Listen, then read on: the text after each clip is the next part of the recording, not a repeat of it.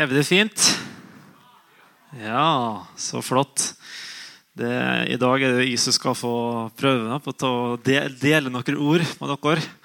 Eh, det er ikke så ofte jeg gjør det, så det her kan jo bli, bli bra. Det var, det var som å høre om et vitnesbyrd av en tidligere rusmisbruker som ble frelst. og blitt nøktern gjennom Evangeliesenteret sitt arbeid. og så, men den fortalte at når han var på, på, liksom på, det laveste i livet, når det var helt på bunnen Da var det bare én vei å gå, sa han, og det var bortover. Det var liksom, det var ikke noe håp igjen. Men eh, heldigvis så gikk det rett veien. Men jeg synes det var et litt artig bilde på det. Eh, vi nærmer oss jul. Vi er i desember. Vi nærmer oss eh, ei, eh, kanskje den største høgtida verden har i løpet av et år. Det er et mirakel som for 2000 år siden skjedde, og som har egentlig vendt alt om eh, i verden sånn som vi kjenner det. Og det er ganske spesielt. Det er ikke så mange fødsler som vi vet om i dag, i fall, som har samme betydning som Jesu fødsel er hatt. Og jeg tror nok ikke at det kommer til å komme noen fødsel heller som kommer til å bety like mye for menneskeheten. Jesus er en liten gutt som blir født, og idet han blir født, så er det mange, flere titalls eh, profetier fra Det gamle testamentet som blir oppfylt. Dette er gutten som eh, blir født i lav status i ingen status. Det var ingen sosial status. Eh, med sånn som livet hans, de rammene så ut når han kom til verden. Det var ingen sosiale medier og det var ingen eh, filter og hashtags og som liksom kunne pynte på det hele. Dette er gutten som gjorde før Kristus til etter Kristus i vår tidsregning. En gutt som snudde dom og bud og lover og regler, og som levde et liv i et perfekt liv som kunne opp eh, altså At han, han, fikk oppfylle alle disse her lovene som ikke vi klarte å, å nå opp til. Og snudde da dom og bud til nåde og frihet. Han vokste opp, han ble en mann, og en mann som talte et budskap som ingen har hørt maken til, verken før eller senere. Profetiene i Det gamle testamentet pekte på at en dag kommer det en, det kommer en Messias, det kommer en frelser, en som skal rette opp alt det her strevet som folket måtte stå i hver dag. Han skulle rette opp de destruktive veiene og lede oss inn på en bedre vei, en rett vei til Gud.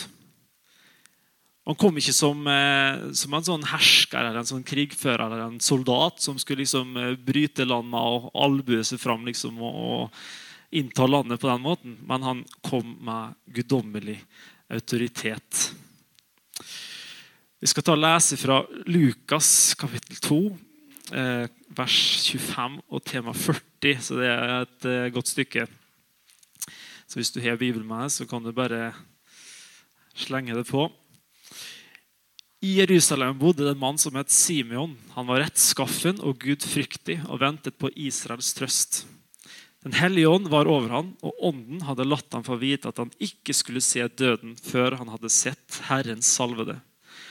Nå kom han til tempelet, ledet av ånden. Og Da Jesu foreldre kom med barnet for å gjøre med ham som skikken var etter loven, tok Simon barnet opp i armene sine. Han lovpriste Gud og sa, 'Herre, nå lar du din tjener fare herfra i fred, slik som du har lovet.' For mine øyne har sett din frelse, som du har gjort i stand like for ansiktet på alle folk. Et lys til åpenbaring for hedningene og ditt folk Israel til ære. Hans mor og far undret seg over det som ble sagt om han. Det ville jeg gjort hvis noen hadde kommet og sagt noe slikt om eh, en, av mine sønner har født. Det er en spesiell melding å få. Så står det videre at Simon velsignet dem og sa til hans mor Maria.: Se, han er satt til fall og oppreisning for mange i Jerusalem, og til et tegn som blir motsagt. Ja, også gjennom sin egen sjel skal det gå et sverd. Slik skal de tankene mange bærer i hjertet, komme for dagen. Det var en kvinne der som var profet, Anna, Fanuels datter av Asjers stamme. Hun var langt oppe i årene. Som ung hadde hun vært gift i syv år og hadde siden levd, levd som enke til hun nå var 84 år. Hun forlot aldri tempelet, men tjente Gud i faste og bønn natt og dag. I samme stund kom også hun fram og lovpriste Gud. Og hun fortalte om barnet til alle som ventet på frihet for Jerusalem. Da de hadde gjort alt som Herrens lov, lov påbyr, vendte de tilbake til Galilea, til sin hjemby Nasaret. Og gutten vokste opp og ble sterk, fylt av visdom, og Guds nåde var over ham. Og Dette er liksom bare en minibolk om liksom, hva er det hva er det Gammeltestamentet har snakka om. At det skal komme en. og Her ser vi da, det er to stykk. Det er en Simeon, og så er det eh, hun Anna, som faktisk lever levde før Jesu tid, og, og de lærte opp i det, i det gamle testamentet og, og de profetiene og det som ble sagt. Og så er faktisk de akkurat i dette skiftet. får leve akkurat i det skiftet der. får oppleve å se Guds sønn. De får oppleve å holde Jesus i hendene sine og velsigne ham og, og lovprise Gud da, den dagen her i tempelet. Med at nå kan jeg faktisk fare herifra. For at du, Gud, du har vist meg denne redningsplanen som du har snakka om, som du har snakka om i, i, tusenvis av år. Og her er liksom resultatet framfor øynene på meg. Det må være helt nydelig. Og det, ja, jeg, tror, lurer på hva Maria og Josef tenkte. Jeg tenkte at dette er en litt spesiell kar. Klart at Det, det som skjer i, i, Jesu fødsel med både engler og det vise menn og gjetere og og, og det er så storslått, eh, så klart at jeg skjønner at det er litt utenom det vanlige. Men eh, klart at eh, dette her ville nok eh, hadde nok de fleste av oss stussa litt over. tror jeg. Og at temaet sjøl 2000 år etterpå, sånn som Rune nevnte under eh, nattverden, at så sitter vi her faktisk i Hustadvika i dag og snakker om han her personen her i dag. Og han har like mye betydning for oss i dag. Jesu fødsel forandra alt på jorda. Gjennom hans liv så bringer han forsoning for våre liv, for våre synder overfor Gud overfor hverandre. Og han viser oss hvordan vi skal få tilgi hverandre, hvordan vi kan få leve med hverandre som brødre og søstre i, i, i, i samhold. Og Jula er jo selve symbolet på gjenforening, fred, det å Slappe av, sette seg ned fra peisen. og Det samholdet, familie. Eh, som vi liksom Sjøl de som kanskje ikke tror på, på, Jesus og det budskapet han kom med, så er liksom det det jula vi forbinder med. Men det er jo Jesus som er selve opphavet her. Det er jo han som bringer alt det her. Av fred, godhet, hvile, samhold. Evangeliet om Jesus har sprengkraft til å vende en løgner om til å snakke sant. Til å la en narkoman få kaste spreta, en alkoholiker til å la flaska stå. Og en som baktaler, begynne å framsnakke i stedet. Som, som kan gjøre at alle de som ikke tenker rett, enten om seg sjøl eller andre, kan få lov å begynne å tenke rett. Evangeliet bringer fred og, la, og gjør strid om til fred. Når jeg forberedte meg her, eh, denne her, så var så kom jeg på en historie fra første verdenskrig, 1914. Det var jo en, eh, en grusom, eh, forferdelig krig som blir kalt skyttergravskrigen. Der de lå liksom på hver sin side og skjøt på hverandre. og Så var det opphold noen timer eller noen dager, og så ble det et nytt slag. Og mellom så her skyttergravene var det ingenmannsland. Gikk du på ingenmannsland, det, det var forbundet med, med, døden. rett og slett. Da var du så seg ferdig. Ingen kunne overleve når du kom opp dit. Men det som skjer jula 1914, er litt spesielt. For da ligger det altså tyske soldater i ei skyttergrav. Og bare noen meter det var ikke langt heller, på andre sida så satt det britiske soldater.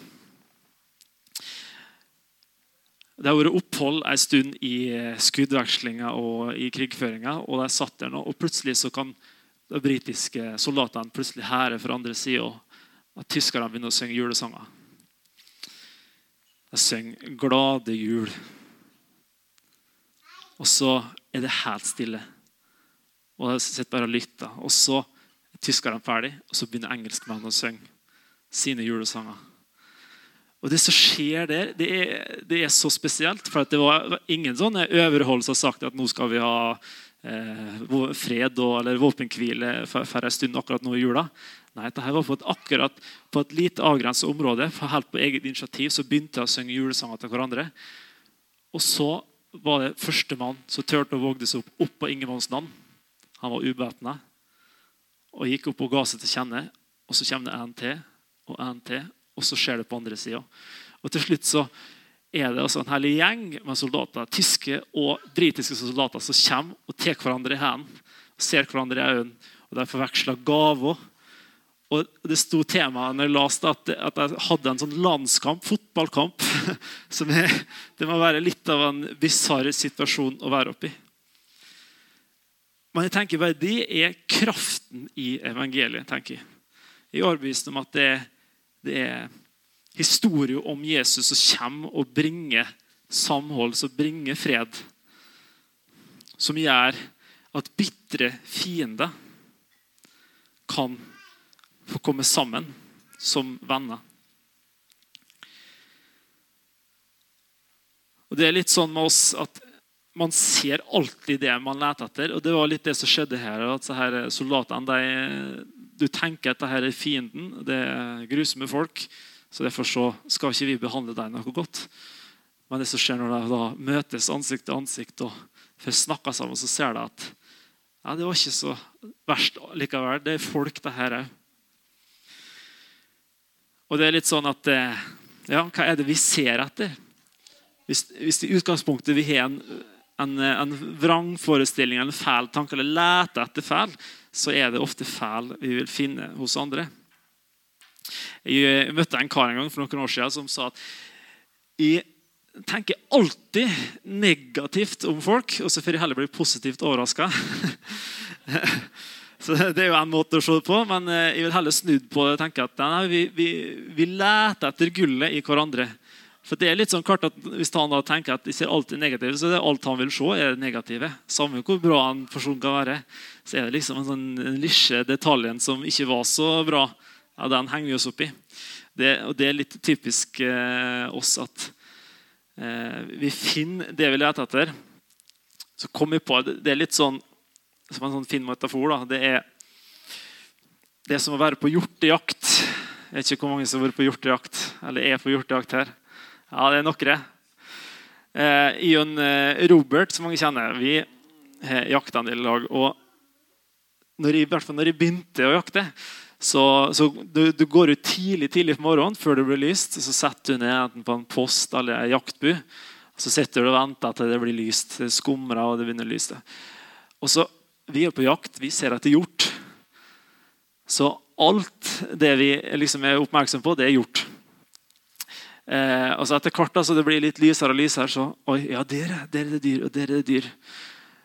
Og så liksom Når vi møtes da etter endt eh, økt, så, så, kan vi fortelle jeg har sagt til Robert, og han har sagt sånn at ja, det var så mye dyr sånn i femtida i morges. Tjukt. Så de gikk att og fram, att og fram. Og så gikk det bare noen minutter, det ble litt lysere, så ser vi, at det er bare tue jeg har sett på en time. Og jeg var overbevist om den turen der han gikk bortover i stad. Helt sant. Gikk att og fram. Og jeg var oppe med kikkerten. og Nei, det var litt mørkt ennå. Så, men eh, det er litt sånn det er litt sånn så ta det er. da. Du ser det han leter etter. Hva var det Jesus da så i mennesket? Hvilket fokus var det han hadde, og hva er det han ønsker at vi skal lære av det fokuset han hadde? Vi kan lese i Matteus 26, 6-13. Det står det. Mens Jesus var i Betania, hjemme hos Simon den spedalske, kom det en kvinne bort til ham med en alabastkrukke med kostbar salve. Den helte hun ut over hodet hans mens han lå til bords. Disiplene så det og ble forarget. Hva skal denne sløsingen være godt for, sa de. Salven kunne vært solgt for en stor sum og pengene gitt hjelp, til hjelp for de fattige. Men Jesus merket det og sa til dem, 'Hvorfor plager dere henne? Hun har gjort en god gjerning mot meg.' 'De fattige har dere alltid hos, hos dere, men meg har dere ikke alltid.' Da hun helte denne salven ut over kroppen min, salvet hun meg til min gravferd. Sannelig, sier jeg dere, overalt i verden hvor det, dette evangeliet blir forkynt, skal også det hun gjorde, fortelles til minne om henne. Hva er det Jesus ser i, i denne handlingen, i, i, i dama som kommer fram? Helt sånn blottlagt framfor alle sammen. Hun er, skal si, at hun er utrolig frimodig som tør å gjøre det. Da, liksom i åsyn til hele gjengen som sitter og følger meg, og, og, bryter egentlig inn i et selskap og forstyrrer det. Eh, så kommer hun denne krukka og gjør denne handlingen med at hun salver Jesus.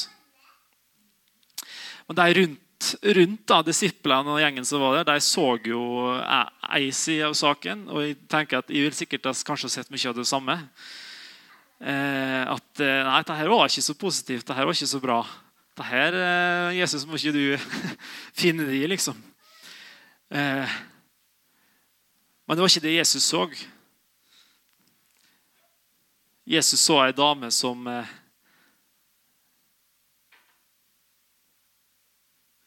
så ei eh, som Hva skal jeg si? Han så gjennom nådens øyne. Hun så at hun ikke er perfekt, akkurat som ingen andre er perfekt. Hun så at kanskje ikke hun nådde opp, sånn som ingen av oss klarer å nå opp. Han så eh, ei som kanskje ikke har hatt det så enkelt. Akkurat som så mange av oss kanskje ikke har hatt det så enkelt i livet. Men Gud ser oss med nådens øyne. Og nåde, det er ufortjent godhet. Det å få betalt denne bota som du egentlig skal, bør betale sjøl. Så kommer Jesus inn som en stedfortreder. Og så sier han at 'jeg skal ta på meg den straffa, jeg skal ta den bota for det'. Nåde det, det er jo nesten for godt til å være sant, bare at det er sant. Men det er litt sånn, eh, Hvis du får en, eh, en selger eller noe på døra eller en telefon og så ja, det her er nesten for godt til å være sant, det her. da er det ofte løgn. eller et eller Det er en liten tvist. Jeg har gjort det lurt sjøl. Ja, ok, da, vi kan ta den ene gangen. og så ja, Jeg har vært og støtta mye forskjellig så opp igjennom. Eh, men det, det, er ikke evangeliet. Evangeliet vi kan si at ja, det er nesten for godt til å være sant, men det er sant. Så Jesus gir oss et nytt fokus, han gir oss et nytt syn på saken. Det kan hende at du har hørt historien om Lasarus, han eh, mannen som var døende, som vi kan lese om. Og så var det da søstrene hans, Martha og Maria, som sendte bud etter Jesus etter hjelp. For jeg tenkte at er det en som kan hjelpe bror vår, så er det han. Og så er det spesielt den, den, det budskapet det kommer til Jesus. Jesus er en annen plass og er opptatt, og det er mye som skjer rundt han. Og så kommer budet fra Martha og Maria, og så sa Jesus Den du elsker, trenger hjelp. Trenger det. Jeg vet ikke hva du ville ha gjort. Jeg tror i hvert fall Hadde det vært i min situasjon, om det var en av mine søsken eller en familiemedlem eller noen nære, nære meg, så tror jeg ikke jeg har begynt der. At Jesus, den du elsker, trenger hjelp. Altså, Jesus, jeg har en, eh, en venn, jeg har et familiemedlem som er syk. Nå skal du høre her alt vedkommende har gjort for det. Nå skal du høre alt det gode vedkommende gjort gjennom sitt liv. og Vært med og stått i menighet og støtta opp om bra arbeid. og stått sammen. Men ikke det Martha og Maria sa. De sa Jesus, den du elsker, trenger det. De hadde lært noe om Jesus sitt fokus.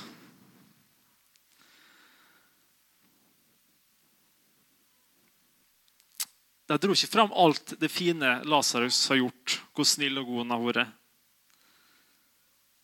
Eller at liksom, det kommer noen sånne, sånne falske lovnader. At ja, hvis du hjelper noe, så skal, skal, han bli prest eller skal han tjene det resten av livet. Nei, det var ikke noe sånn. Der kom jeg. Jesus, den du elsker, trenger det. For Jesu kjærlighet til Lasarus trumfer alt han eventuelt har gjort feil gjennom livet opp igjennom. Det var ikke det som, som, som var med og liksom skulle hindre at Jesus ikke kunne helbrede den. Men det var Guds kjærlighet til Lasarus som gjorde at selvfølgelig skal jeg komme og vekke Lasarus opp.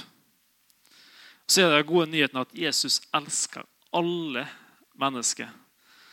Så vi kan sette oss sjøl i denne situasjonen at uh, om vi er, om er Lasarus og vi trenger hjelp, så vet vi godt med oss sjøl at eh, vi har mye som vi har gjort og sagt og tenkt som ikke har vært rett. Eller.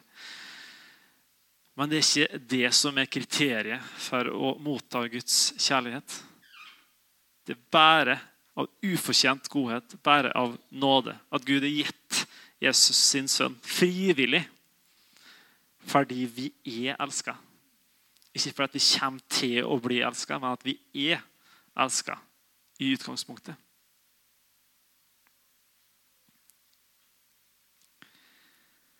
Evangeliet om Jesus, historien om Jesus, er tilgjengelig for alle. Vi kan alle få ta imot denne gaven som vi har fått eh, i, i, jula. Jeg hører på radio nå Rekosova, en sånn kortsnutt av en Egil Svartdal. Han har en sånn eh, ettminutts andakt både på Radio 316 og brukte halv på Facebook. Og noen andre som er med. Og Da har jeg sånne minisnutter. En sånn kjempekort andakt så var det en dag når jeg hørte, han, han delte om, om, kleskode. og jeg synes det var også godt sagt, for Når englene kommer til gjeteren eh, på marken når Jesus blir født, så, så kommer de ikke med noe sånn eller, kleskode om at eh, ja, Jesus han blir født på et slott, skjønner du, så nå må vi nå, Dere kan dessverre ikke bli med likevel. Hadde, de skulle ha gått dit, så har ikke sikkert de fått komme inn. Men eh, den gode nyheten eh, til deg da, var at nei, han er jo faktisk eh, i en stall, i krybbe. Vi er liksom kledd for anledningen. Vi er både lukta og er skjeten og ser ikke ut. Men vi er faktisk rett kleskode. Vi er akseptert akkurat som vi er, og vi er velkommen inn til Jesus. Vi er velkommen inn til å få tjene han og bøye oss ned framfor han. Uansett omstendighet. Jeg tar litt vann her, nå.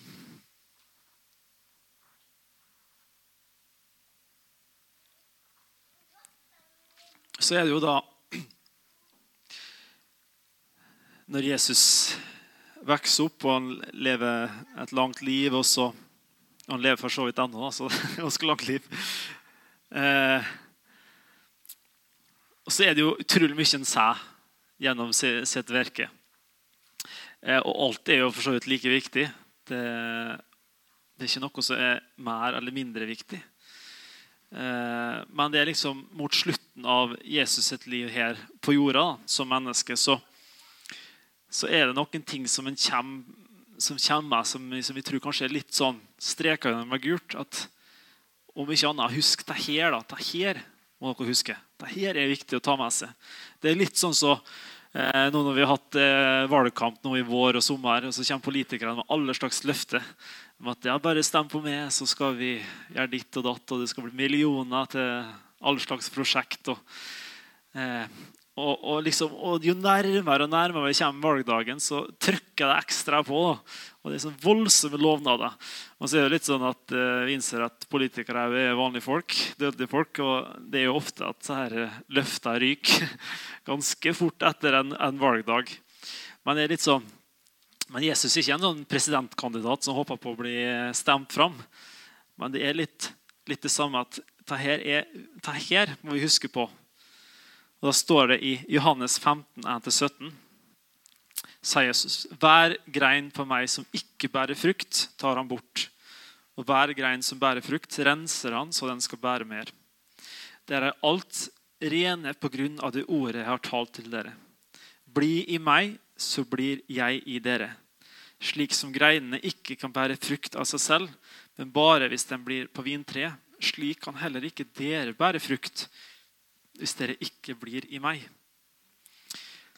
Jeg er vintre, dere er greinene. Den som blir i meg og jeg i ham, bærer mye frukt.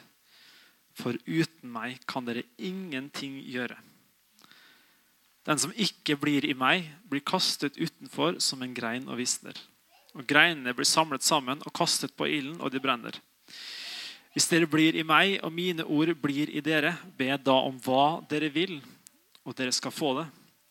For ved dette blir min far æret, at dere bærer mye frukt og blir mine disipler.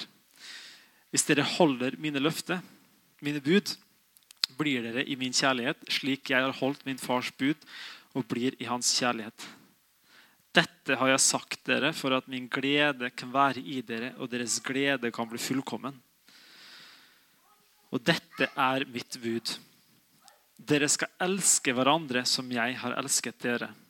Dere er mine venner hvis dere gjør det jeg befaler dere. Jeg kaller dere ikke lenger tjenere, for tjenere vet ikke hva Herren hans gjør. Jeg kaller dere venner, for jeg har gjort kjent for dere alt jeg har hørt av min far.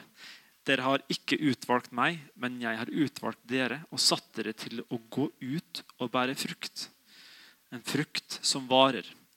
Da skal Far gi dere alt dere ber om i mitt navn. Og så er liksom det siste som liksom prekken over i-en. Dette er mitt bud til dere. Elsk hverandre.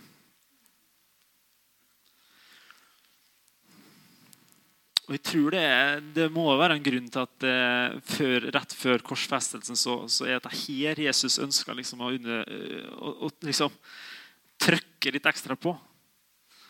Vi skal elske hverandre. Elske hverandre sånn som Jesus har elska oss. Og Det er jo egentlig ikke småtteri å, å be om, for han har jo gitt sitt liv for oss. Og Det er jo et eksempel på hvordan vi skal være overfor hverandre. Vi lever i en eh, polarisert verden, i, en, i, i splittelse. liksom, og Ytterkantene blir bare mer og mer på hver side. men det er ikke bare liksom ute i, i verden, skal si det, men det er jo eh, i, i trossamfunn eller i menigheten så ser vi at det, kan bli mer, det blir mer og mer gnisninger. Det er i hvert fall Opplevelsen kan være når en leser både media og liksom her hva som foregår.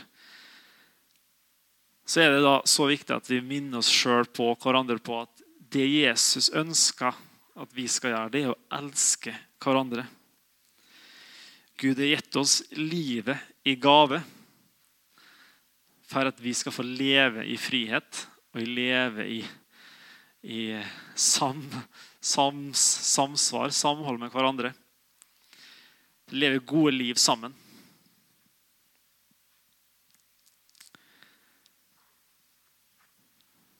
Jeg delte i sommer en sånn eh, kort eh, eh, ja, minideling. Jeg skal ikke kalle det.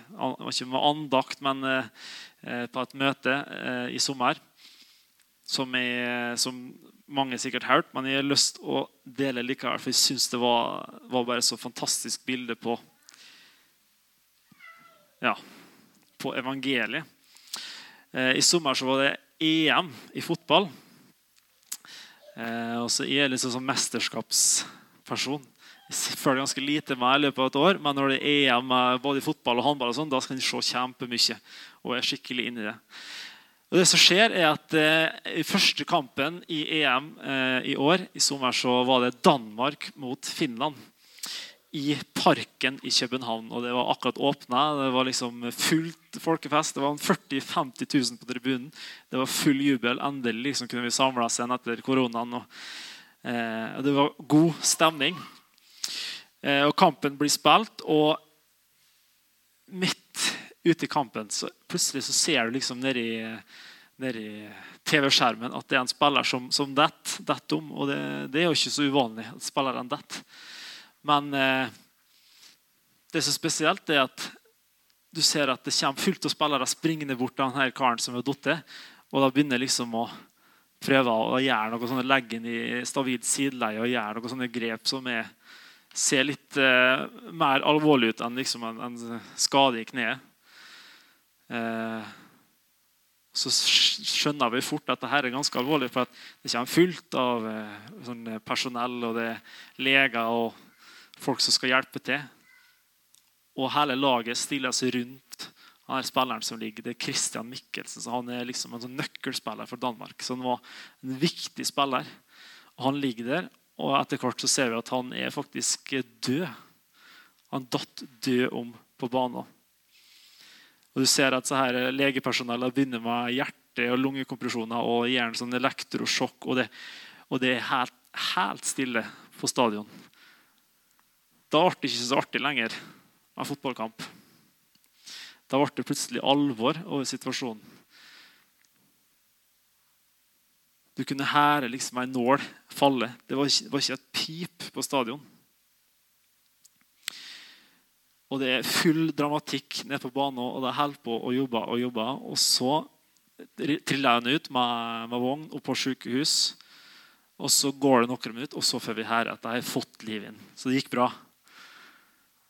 Han overlevde, men han var på sykehus på overvåkinga. Alt gikk fint. Men det jeg syns var så nydelig og Jeg ble så berørt Jeg at på Sporten på TV 2 på kvelden etter at kampen var ferdig, så viste de en overskrift i danske Dagbladet den kvelden.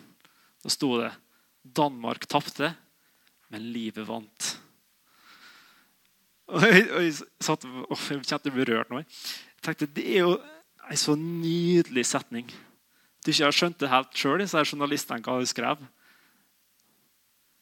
Danmark tapte, men livet vant. Og jeg tenkte, det er litt sånn vi kan føle oss av og til. Vi, kan, vi føler at vi taper så her kampene i livet. Vi føler at vi klarer ikke å dra oss opp. Liksom. Vi klarer ikke å leve sånn som vi bør, eller sånn som vi ønsker, eller sånn som vi mener vi skulle gjort. Men det er ikke så farlig, for at livet har vunnet. Jesus, som er livet, han har seira. Han har gitt oss denne krafta dette livet, denne freda, freda, er det at vi kan få lov å reise oss opp gang på gang på gang. Jesus er den som løfter oss opp igjen, som setter livet i oss igjen. Som retter vårt fokus på Han. Han som har vunnet sjølve livet. Og Det er dette som er julas budskap og fokus. At Gud har gitt oss sin kjærlighet gjennom gave av Jesus Kristus, så vi kan få elske Gud tilbake. Og elske oss medmennesker mellom. Og Det er akkurat dette menigheten er for. Og det er dette livet vårt er for. At vi skal elske Gud, og vi skal elske mennesket. Og Det er egentlig hele kjernen i i juleevangeliet, i evangeliet. Vi skal få elske Gud og elske mennesket. Og så, klart Når vi da etter hvert kan få oppleve og klare at, kjenne at vi, vi, vi lever ut dette i praksis, så vil jo ringvirkningene bli ekstreme. Jeg vet ikke om de første tolv disiplene skjønner omfanget, eller skjønte det da, eh, av at hvor mange milliarder 2000 år senere så vil fortsatt snakke om dette budskapet, fortsatt tro på dette budskapet og fortsatt å dele det videre. Det er kraft i evangeliet, i budskapet om Jesus. Går det bra? Var det fint? Ja. Det var det jeg ønskte å dele med dere i dag. Tror det, tror det er fint. Så kan vi ta og be litt i lag før jeg og Eli skal avslutte med en sang. Takk, Jesus, Herre. Takk at du er midt iblant oss. Takk at du ønsker at vi skal få lov å få tak på dette evangeliet, dette budskapet om din kjærlighet, Jesus. At vi skal få lov å elske det, Jesus, og elske hverandre. Takk at din Hellige Ånd leder oss for hver dag til å se hverandre og til å strekke ut ei hand, til å være medmenneske. Og takk at du, takk at du Herre, du minner oss ekstra på nå i jula, Herre, at vi kan få se deg rundt oss. De som ikke har det så greit, de som er nedbrutt, de som sliter. Hjelp oss å se deg, at vi kan få løfta deg opp og være medmenneske. At vi kan få lov å elske deg for den de er. Vi takker deg for det, Jesus.